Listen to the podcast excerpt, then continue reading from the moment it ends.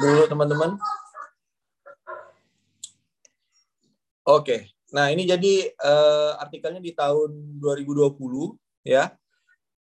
Terus dia bilang bahwa there are few things in the food world that evoke stronger opinion than spice. Jadi sebenarnya ada banyak hal yang uh, yang orang tuh pengen suka terkait makanan pedas dan is okay kalau ada yang suka makanan pedas nggak ada yang salah juga gitu ya uh, karena itu kan subjektif mau teman-teman pengen yang medium, pengen yang uh, nambah pedasnya atau segala macam. Dan seperti yang kita ketahui bahwa cabai sendiri di luaran sana ada banyak sekali jenisnya teman-teman. Sampai ada yang cabai yang paling pedas in the world gitu kan. Uh, dulu pernah dibahas juga, ada banyak juga di video-video YouTube gitu kan tentang orang-orang yang uh, menantang dirinya untuk makan makanan pedas. It's okay juga, tapi buat teman-teman yang sangat suka dengan uh, sensasi pedas, uh, artikel ini bagus banget dan mendukung banget subjektivitas teman-teman terhadap rasa pedas gitu ya.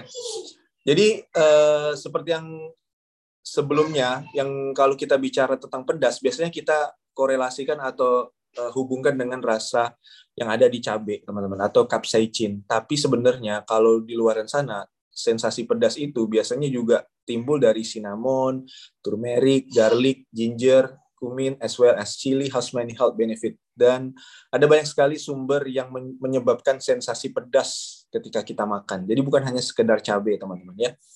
Uh, kalau teman-teman nggak suka panas dan segala macamnya, ini adalah beberapa uh, alasan kenapa teman-teman bisa menambahkan little spice to your day. Tambahkan sensasi pedas dalam uh, makanan teman-teman.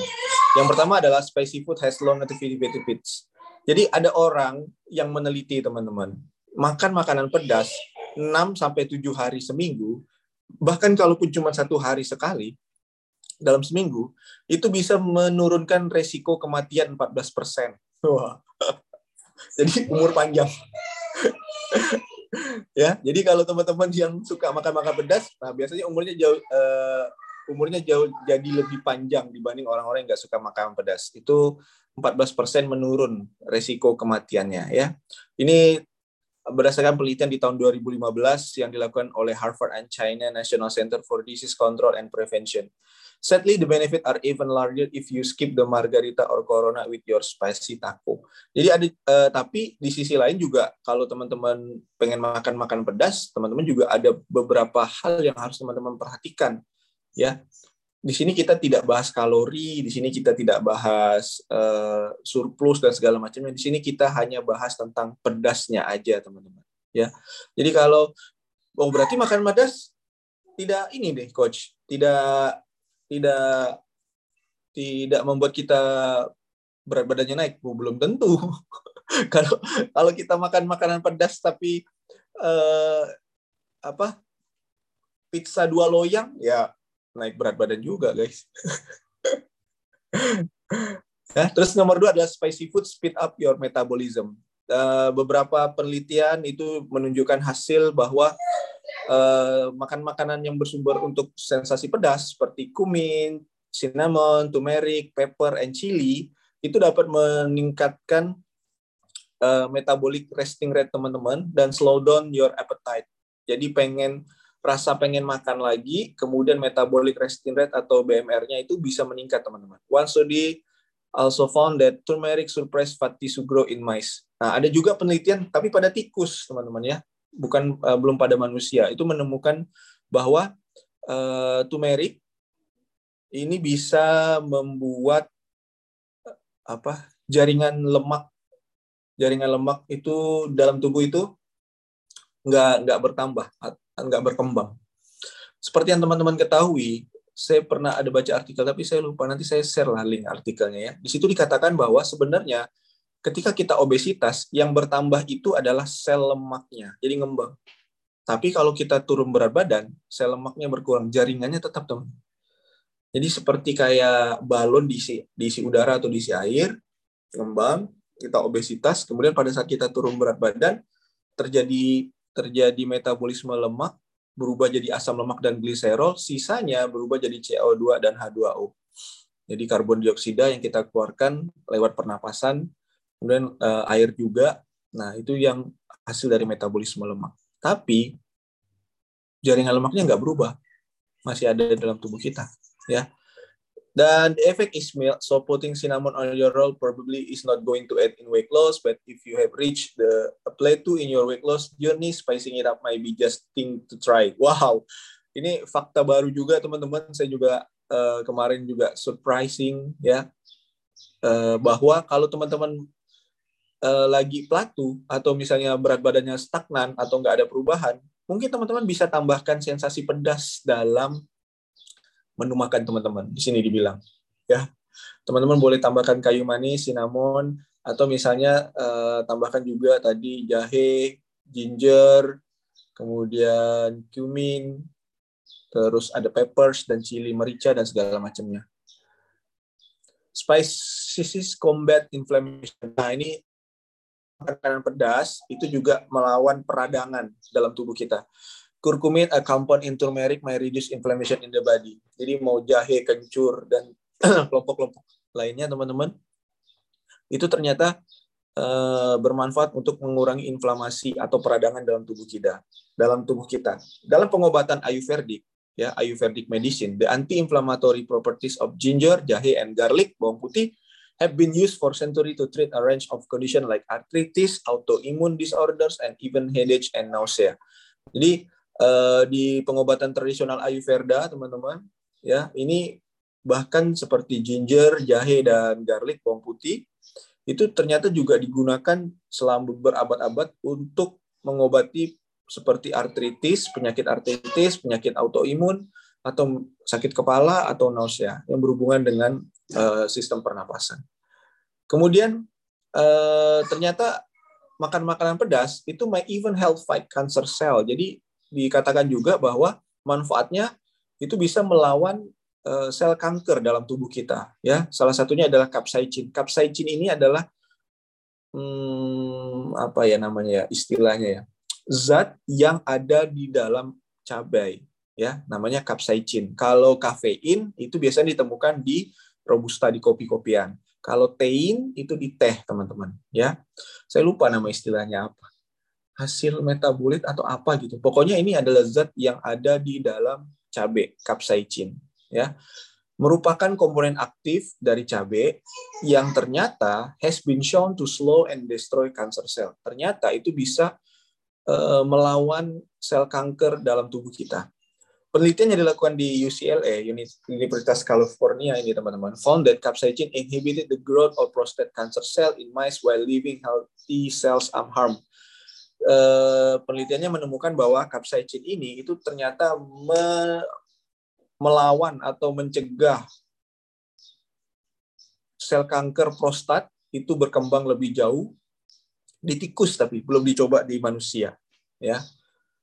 Kemudian nomor lima adalah spices help kill bacteria. Nah, jadi selain melawan sel kanker, ternyata uh, makan makanan pedas itu juga bisa membunuh bakteri. Seperti misalnya kita gunakan cumin and turmeric have been shown to have powerful antioxidant dan antimicrobial properties. This means they they can use they can be used against harmful bacteria in the body. Jadi kalau ada makan kita makan makanan sembarangan atau bakteri atau benda asing masuk ke dalam tubuh, bakteri asing masuk ke dalam tubuh dan dia membahayakan, nah itu kencur, kemudian turmeric dan segala macamnya itu bisa melawan dan membunuh bakteri asing tersebut, teman-teman.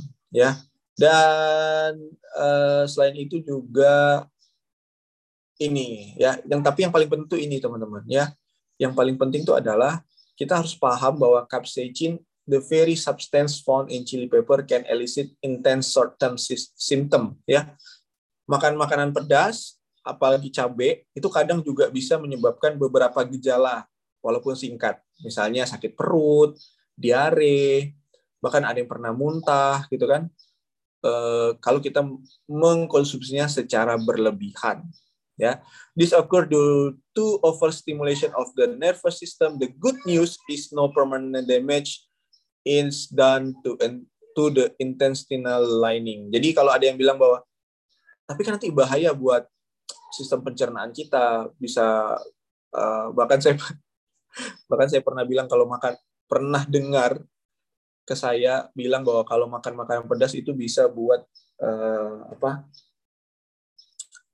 usus kita bolong. Itu ternyata keliru teman-teman ya. Nggak ada permanen damage yang disebabkan oleh uh, capsaicin cabai dalam tubuh kita walaupun ada simptom atau gejala yang jangka pendek tapi secara jangka panjang belum ada yang bilang bahwa Eh, terjadi kerusakan yang permanen dalam sistem pencernaan kita akibat kita makan makanan yang pedas. Tapi sekali lagi yang harus kita pahami adalah jangan makannya berlebihan, ya. Dan it was previously believed that spicy food could lead to ulcers. Current evidence now confirm that capsaicin provide protection against the ulcer eh, pathogen. Bahkan ada yang bilang bahwa eh, percaya mereka bahwa spicy food itu lead to ulcer. Ulcer ini mah, teman-teman, ya. Gejala sakit mah. Ada yang percaya bahwa kalau kita makan makanan pedas itu justru buat kita jadi sakit mah. Penelitian terbaru, teman-teman, ternyata dengan makan makanan pedas, terutama cabai, itu justru menyediakan proteksi against the ulcer patagon, uh, patogen. Justru uh, menyediakan perlindungan untuk melawan bakteri-bakteri atau patogen yang menyebabkan penyakit mah. Capsaicin also act as a pain reliever when applied topically or in that said if you are new to eating spicy food, increase your intake slowly to minimize undesirable symptom. Jadi dia bilang bahwa kalau teman-teman mau makan makanan pedas, capsaicin itu justru uh, dapat digunakan sebagai pain reliever, pereda rasa nyeri. Dan uh, di sini juga dibilang bahwa jika kamu uh, baru pertama kali pengen coba makan makanan pedas, coba kamu makannya tuh slowly ya pelan-pelan di level yang paling rendah dulu sampai akhirnya nanti kamu bisa adaptasi atau melakukan penyesuaian dengan sensasi pedasnya. Jadi jangan langsung coba uh, yang level atas teman-teman, tapi pelan-pelan aja yang tadinya misalnya cabenya dua sekarang jadi tiga pelan-pelan nambah ya. Nah jadi kurang lebih itu tadi gejala eh, gejala. Bottom line-nya teman-teman no matter if you lean sweet or savory spices can be incorporated into any diet. Nah ini juga bilang bahwa mau kayak gimana pun teman-teman mau jenis diet apa pun dan bentuknya kayak gimana pun sebenarnya nggak masalah kalau teman-teman tambahkan makanan-makanan yang sensasinya pedas the result is satisfying and healthy addition ya hasilnya pun buat orang-orang yang suka makan makan pedas is good, bagus banget. Dan they can even increase to feel good chemical in the body. Bahkan teman-teman kalau kita ingat lagi kemarin kita bahas tentang hormon kebahagiaan, makan makanan pedas itu justru meningkatkan uh, hormon endorfin dan dopamin dalam tubuh kita. Ada sensasi kebahagiaan kalau kita makan makan pedas. This may just explain that spicy food craving you can kick. Spice can also help you cut down on the on the amount unhealthy fats and sweets that are too easily added as quick fix for taste. Jadi kalau teman-teman yang juga sering uh, ngerasa craving, terus pengen makan makanan padahal udah habis makan, teman-teman boleh tambahkan sensasi rasa pedas dalam makanan teman-teman. Ternyata itu dipercaya untuk mengurangi hal tersebut.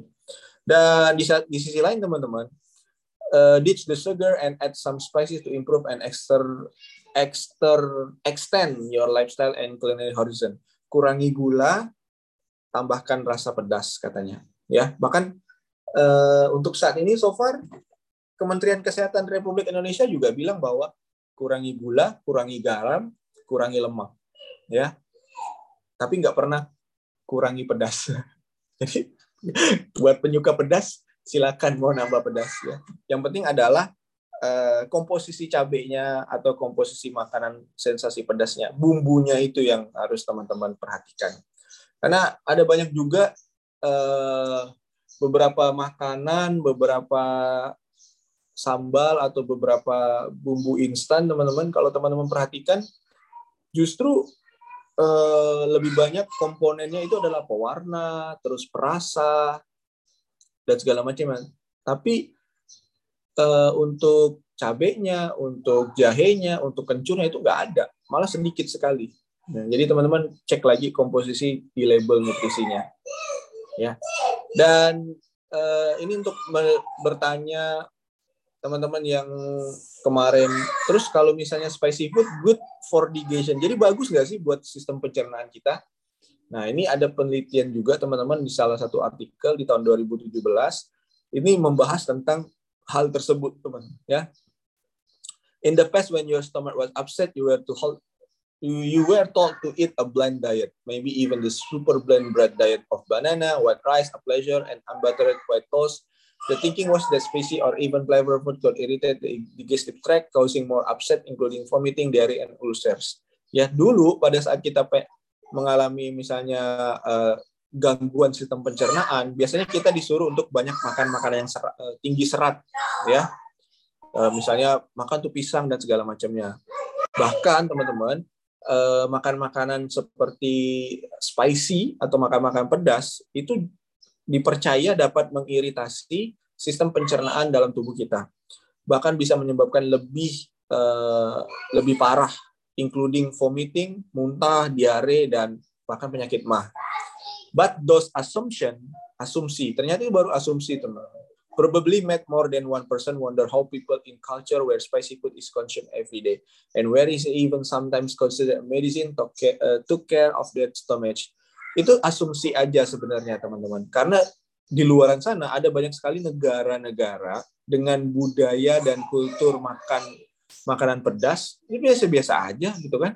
Nggak kayak gimana-gimana. Saya pernah uh, ke, apa kenal dan makan sama orang Manado teman-teman. Oh my god. Nggak ada. Atau misalnya teman-teman uh, teman-teman kita yang uh, misalnya orang Jawa itu kan e, sambalnya manis malah. Ya. Jadi sebenarnya itu balik lagi ke culture dan pola makan kita dalam daerah tertentu. Dan it turns out that not all spicy are bad for your stomach. And in fact some are just what the doctor order. Jadi e, sebenarnya kalau teman-teman lihat itu nggak ada sekali makanan-makanan yang pedas e, spice.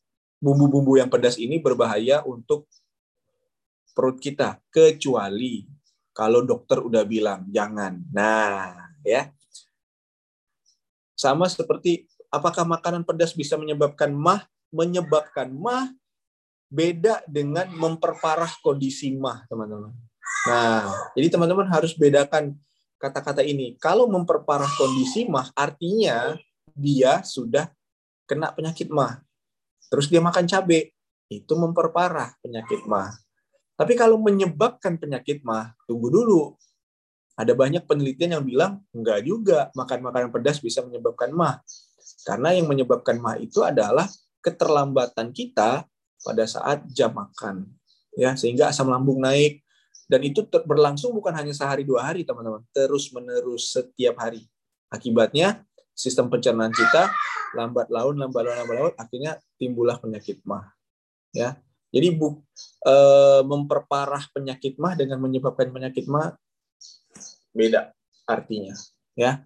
There is really not a lot of research to say those hot foods are bad for the entire digestive tract, ya. Jadi eh, nggak ada nggak banyak tuh nggak banyak penelitian tentang uh, hal ini teman-teman ya dan kalau kita bicara tentang spice pedas ya itu sebenarnya apa sih makanan pedas? di sini dibilang, the answer to that is complicated since spice is relative term. Peppermint uh, may burn some palates, kemudian while other folk can eat Thai pepper strike from the vine without breaking a sweet. Jadi sebenarnya sekarang udah luas banget definisi pedas itu seperti apa. Ya, karena ada banyak orang bilang pedas itu cuma dari cabai. Padahal pedas itu adalah sensasi terbakar burning yang ada di uh, lidah kita. Sensorinya kan ada di lidah kita. Nah, sensasi terbakar itulah yang disebut dengan rasa pedas, teman-teman. Ya. Most hot spice are derived from a pepper or chili plant. Ya, ada juga yang bilang bahwa sebenarnya kalau kita bicara tentang pedas itu kebanyakan sumbernya dari pepper, merica atau cabai. Ya, Talk some plant leaves like mustard green are also spicy, are some fruits like ginger. We incorporate the spices into our food in raw, cooked, dry, and ground form. Ada juga yang bilang bahwa sebenarnya ada banyak juga sumber untuk rasa pedas ini, teman, sensasi pedas ini. Misalnya dari mustard, uh, terus ada juga dari ginger, jahe dan segala macamnya. Sebenarnya kalau teman-teman pengen menciptakan sensasi pedas atau bumbu pedas dalam makanan teman-teman, itu teman-teman bisa melakukan kombinasi, misalnya menambahkan jahe, terus cabai dan segala macamnya. Ada juga orang yang bilang bahwa makan makanan pedas atau bumbu-bumbu pedas ini itu ternyata berdampak negatif atau justru menimbulkan penyakit GERD ya. Kalau mah tuh levelnya masih medium teman-teman. Kalau GERD itu udah parah banget. Ya, asam lambung bisa asam lambung tuh bisa naik sampai ke tenggorokan biasanya kalau. Sensasi terbakarnya tuh udah sampai ke tenggorokan. Kalau mah tuh kan biasanya cuma di lambung doang. But there are many other foods that are worse gastric irritant, including caffeine, alcohol, and acidic citrus fruits. If you experience the gastric discomfort after eating spicy food, you might be reacting to something other than spice in your dinner. Jadi dia bilang kalau misalnya teman-teman makan makanan pedas, terus teman-teman merasa ada sesuatu yang uh, jadi lebih parah penyakit teman-teman, mungkin disebabkan karena kombinasi dari jenis makanan lain yang teman-teman makan, bukan hanya sekedar bumbu pedasnya aja. Ya, di sini tentang bicara Mexican food, biasanya menggunakan chili and pepper. Uh, terus ada juga yang menambahkan pasta dan segala macamnya. Dan ini kita bicara tentang the benefit of spice. Tadi kita udah bicara banyak, termasuk dari metabolik, kemudian uh, antiinflamasi dan segala macamnya. Nah, ini what if things get too hot? If you already have ulcer. Jadi kalau kamu sudah punya penyakit mah, you find, you may find that spicy food makes them feel worse. Ya, mungkin dengan makan makanan pedas itu justru makin parah, makin makin nggak nyaman. Spicy food can also irritate some urinary tract infection, infection and certainly will cause your nose to run and eyes to water, which could bring on sinus iritasi. Jadi kalau misalnya udah kena penyakit sinus juga bisa membuat hal itu bisa terjadi, teman-teman. Tapi intinya adalah balik lagi bahwa sebenarnya ini balik ke balik lagi ke diri kita dalam mengontrol asupan makan. Nah, kalau misalnya ditanya, boleh nggak sih nambahin uh, bumbu pedas atau cabai dalam makanan? Boleh-boleh aja, teman-teman.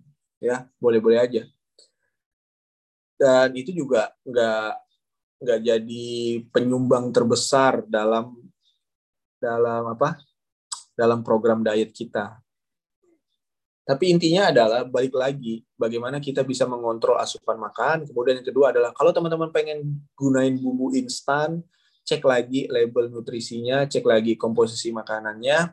Karena seperti yang kita udah bahas tadi malam bahwa ada banyak sekali bumbu-bumbu makanan yang ternyata komposisi makanan paling tinggi adalah justru bukan uh, bumbu makanan tersebut, tapi uh, misalnya kayak garam, penyedap, terus uh, perasa dan segala macamnya.